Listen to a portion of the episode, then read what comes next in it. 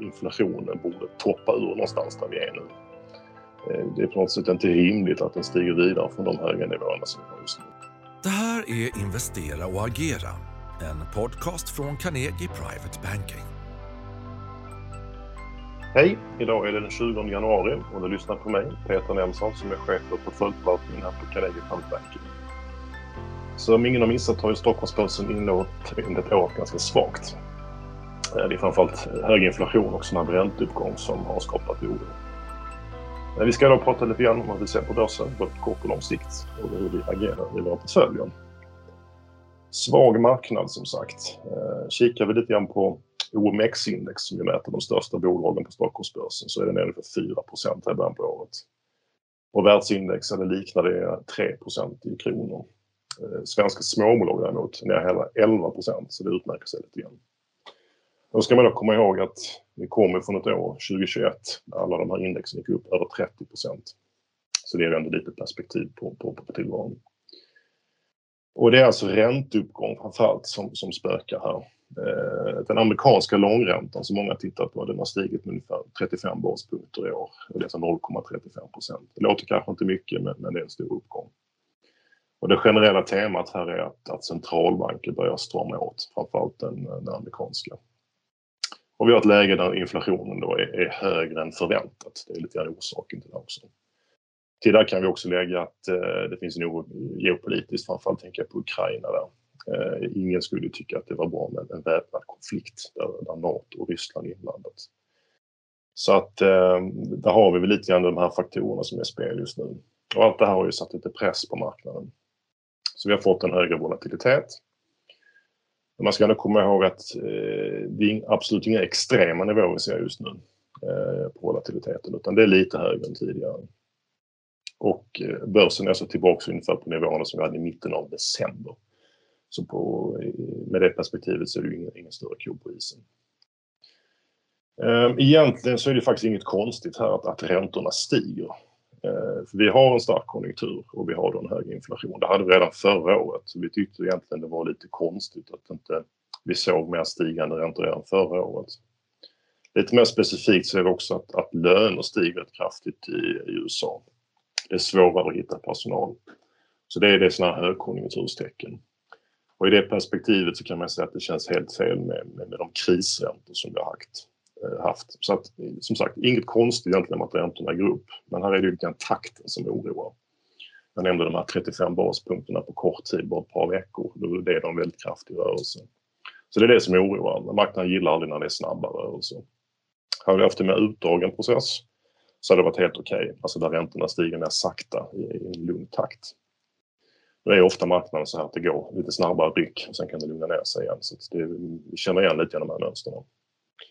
Och det som är lite extra känsligt den här gången också är att vi både då har lite stigande räntor, centralbanker som aviserar räntehöjningar plus att eh, stora enorma stödköp som vi har sett under flera år nu monteras ner.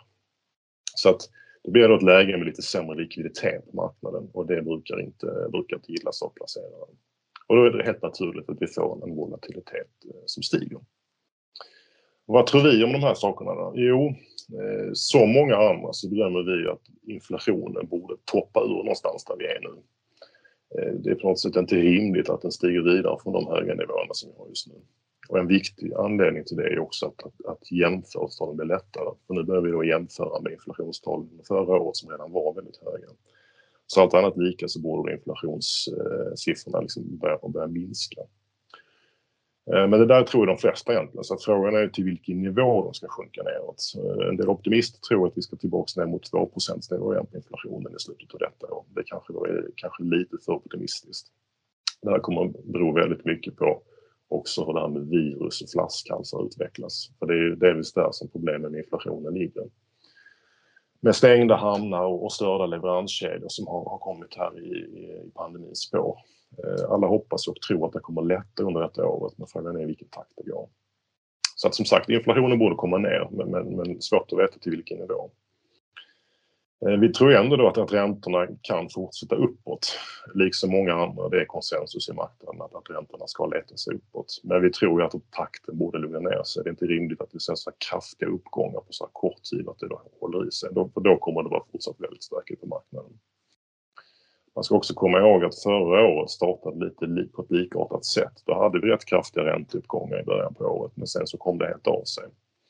Jag tror inte att det blir likadant i år men det borde ändå lugna ner sig lite grann. Och får vi rätt i det då borde även volatiliteten komma ner lite grann.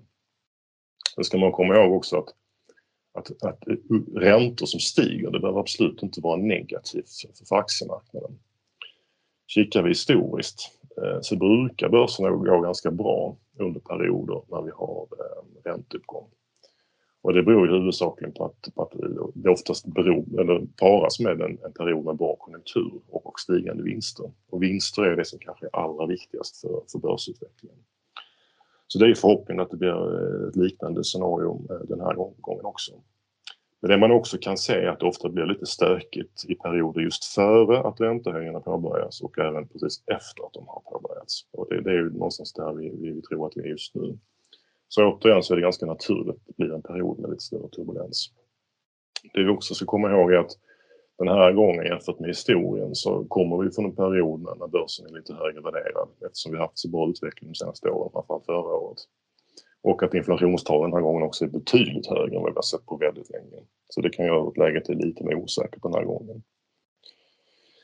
Så vår strategi i det här läget då, det är att vi, vi, man säger så här, vi drog ju ner exponeringen i våra portföljer två gånger under fjolåret. I augusti sänkte vi vikten på svenska aktier till neutral och sen i december, alltså i slutet på året, då drog vi ner eh, den utländska delen också till neutral. Och det gjorde vi för att vi hade fått, dels för att vi hade fått väldigt bra avkastning och dels för att vi såg att, att riskerna hade börjat gå upp lite grann. Och det är lite grann det som har inträffat också. Så att vi har ett neutralt läge just nu vad gäller aktier. Vi tycker att det känns ganska bra. Eh, det kan nog vara stökigt ett tag till så att det kan vara läge att vänta ut här lite grann till innan man kanske tar nästa steg. Mot det kan vi ändå ställa att, att, att eh, eller mot, men eh, samt, i den positiva vågskålen så har vi det här med vinster som ser fortsatt väldigt bra ut. Blir det den typen av vinstutveckling som marknaden ser framför sig så, så är det ett bra stöd för börsen framåt. Och sen även tekniskt så tycker vi fortfarande att den långa trenden på aktiemarknaden är fortfarande uppåt. Även om vi just nu är i en konsolideringsfas. Och sen brukar säsongsmässigt också vara väldigt positivt fram till någon gång på vårkanten. Så normalt sett får man ganska bra avkastning på, på, på, fram till någon april, maj på börsen. Det är väl det som talar liksom för att det kan bli ganska bra ändå. Och på tal om vinster då så har vi ju en rapportperiod som börjar dra igång nu på allvar. Eh, det är fortfarande väldigt tidigt men vi tycker än så länge att det ser helt okej ut. Eh, Sandvik startade på riktigt den svenska rapportperioden idag. Eh, rapporten ser bra ut. Vi tycker att det som har kommit från USA också är fullt godkänt. Det alla kommer att leta efter här det är ju tecken på hur bolagen hanterar de här ökade kostnaderna i spåren av inflationen och vart efterfrågan tar väg ta vägen. Det är det man liksom vill bocka av här någonstans. Så vi tycker att just Sandviks liksom eh, är helt okej. Ehm, det som också varit slående i början på året är hur dåligt det gått för tillväxtbolag. Jag nämnde ju svenska småbolag som har fallit ordentligt. Där finns det mycket tillväxtbolag. Ehm, vi har några gamla raketer som eh, Vitrolife, Nibe, Troax, Biotar, Truecaller, Mips, Adlife till exempel. De är alla ner 25 till 30 procent i början på året. Det är ett ordentliga nedgångar får man säga på kort tid kortsiktigt kan jag tycka att vissa av de här borde studsa snart för de är väldigt översålda.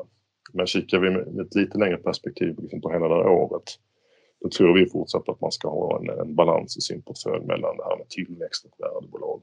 Eh, tillväxtbolag, då vill vi fokusera på de här bra tillväxtbolagen som verkligen har vinster som växer. Det är inte alla som, som gör det.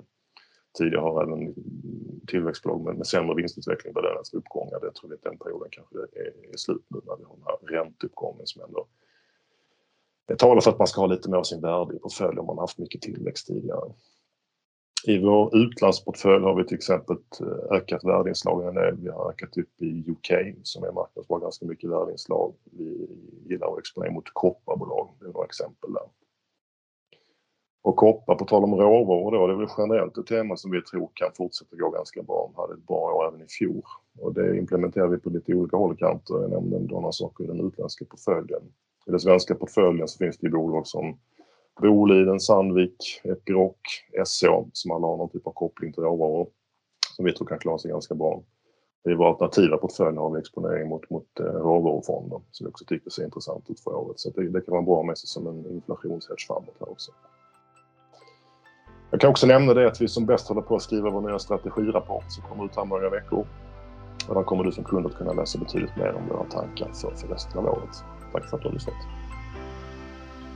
Vill du veta vilka aktier och investeringar vi tror på? Du som ännu inte är kund kan beställa en provportfölj på carnegie.se privatebanking så sätter vi ihop en rekommenderad portfölj för dig.